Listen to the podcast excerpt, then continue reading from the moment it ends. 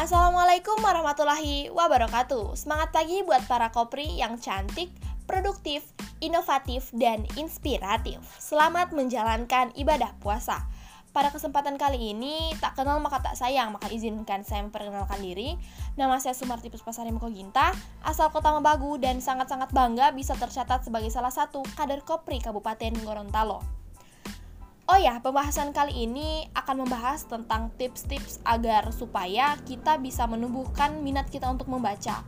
Karena sebagai mahasiswa, kayak kita ini baca buku itu nggak hanya dibuat hobi ya, tapi merupakan keharusan karena mata kuliah pun kita akan tetap diperhadapkan dengan bahasan yang memerlukan buku sebagai pedoman.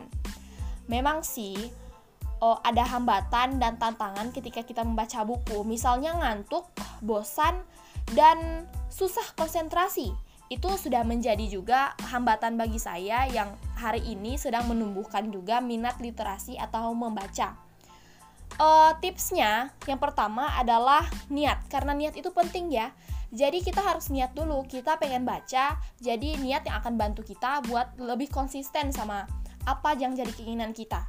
Yang pertama juga adalah kita harus membaca di tempat yang kondusif karena jangan sampai kita membaca di tempat yang ribut itu bisa membuat konsentrasi kita terhadap buku itu jadi buyar. Yang kedua adalah jangan bergumam. Nih, kebanyakan orang kalau mereka membaca itu mereka bergumam, padahal itu adalah cara yang tidak efektif karena akan menyebabkan kita lupa dengan apa yang kita baca karena telinga kita fokus mendengarkan suara kita. Yang ketiga yaitu posisi membaca. Jangan sambil rebahan loh ya, nanti malah ngantuk. Terus tips yang Keempat adalah hindari membaca kembali halaman yang sudah dibaca hanya karena kamu tertarik dengan kalimat di dalamnya. Kecuali kalau kamu belum mengerti. Biasanya orang yang membaca itu di dalam buku terdapat quotes-quotes yang menurut mereka menarik, maka mereka kembali lagi ke halaman tersebut dan membacanya berulang, berulang kali. Padahal itu adalah salah satu kesalahan dalam membaca buku karena uh, itu akan membuat kita nanti akan lupa dengan apa bahasan-bahasan yang ada sebelumnya.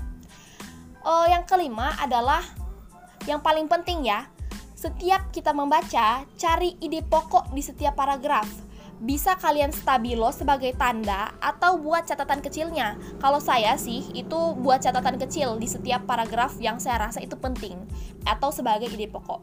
Nah, yang keenam, yang terakhir itu ada pada diri kalian yaitu komitmen. Kalau kalian komitmen buat baca buku, pasti juga kalian akan selalu rajin dan tekun buat mencari-cari buku yang bermanfaat buat kalian.